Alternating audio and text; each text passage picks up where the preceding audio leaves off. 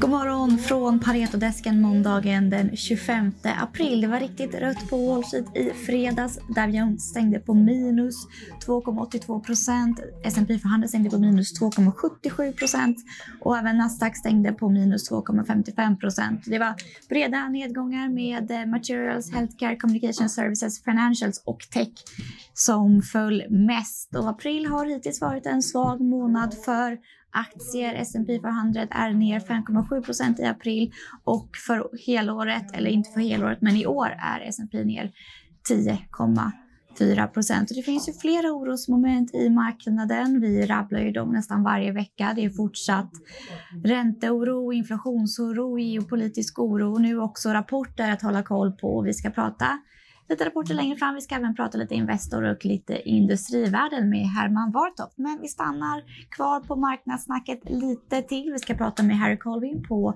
Longview Economics. Good morning, Harry. Week trading on Fridays, all sectors sharply lower, and there are some things indeed to be worried about: rate hikes, inflation, Ukraine crisis, etc.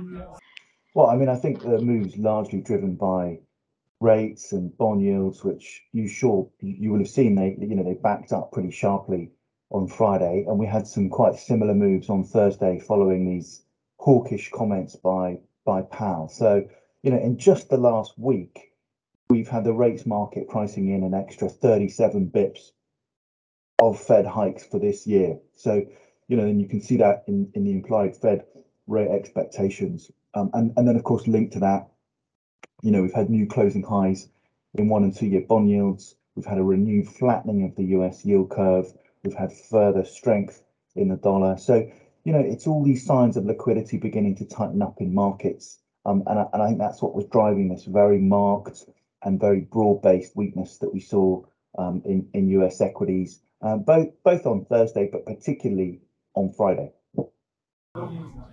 And let's talk uh, a bit more about the rate hikes because uh, many rate hikes are priced in, but still, the market seems to panic uh, when Powell talks about it. Yeah, I mean, I think this is potentially what we're seeing in the final stages of panic about um, higher higher uh, rates in in the US. Um, I mean, uh, uh, triggered, of course, by those hawkish comments from Powell. Um, I mean, I think there are genuine concerns about inflation that are very valid. You know, one of them, for example, is that if you look at the lowest quartile of earners in America, they're experiencing wage growth of about 11%. So, you know, the people with the highest propensity to spend their spare cash, they're not actually experiencing a real terms income uh, squeeze. So I think that's one of the reasons that, that we should be worried about inflation. Clearly, the labour market is very tight and it's going to be underpinning a lot of that. Um, we've also got an uptrend in service sector inflation month on month. So, you know, there are things to worry about. Um, having having said that, you know, mathematically, it looks to us like inflation has probably peaked on a year-on-year basis because base effects are going to be rolling out of the numbers. Um, so, look, I think there's potential for some downside surprise uh, in inflation over the course of the next few months, and that may well bring about the end uh, for now of this panic about inflation and higher interest rates and the end of the cycle and fears about a cyclical bear market in equities. So I think a lot of, a lot of that will will, will lift uh, over the course of coming weeks and months. And do we have some important uh, data this week?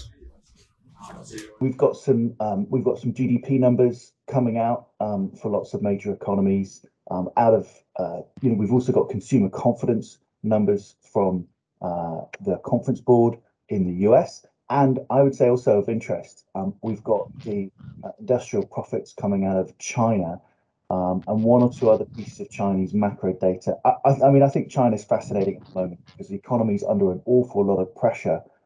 And if you look at the currency, it's just started to sell off quite sharply. We think that's, um, you know, not just a competitive devaluation given what the yen has been doing, but it's also the natural relief release valve for uh, the for for taking pressure off the economy, which is pretty weak. So I mean, I'll be quite interested to see what that Chinese macro data is like.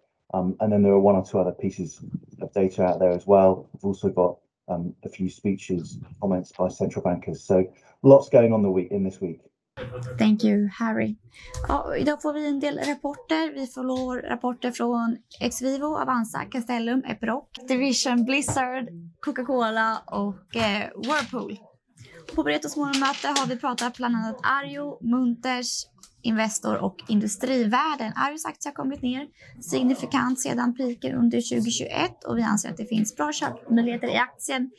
Vi upprepar köp idag efter Q1-rapporten som kom in över förväntan både på organiska tillväxten och marginalen. Även Munters upprepar vi köp på. De levererade bättre orderingång än väntat i första kvartalet och vi ser långsiktiga trender här som talar för bolaget och tycker att deras exponering mot litiumbatterier och datacenter samt eh, nya clean tech eh, applikationer borde motivera en högre värdering och vi tycker att marknaden ser lite försiktigt på Munters tillväxt och marginalpotential. Och sen då industrivärden versus Investor, Herman Wartoft. Mm. Vad ska man köpa? Vad ska man avvakta med? Ja, vi tycker ju att eh, Industrivärden fortfarande är en mer attraktiv aktie än Investor. Då. Eh, det här är två klassiska investmentbolagsgiganter kan man säga. Det är ju Wallenberg mot Lundberg på något sätt.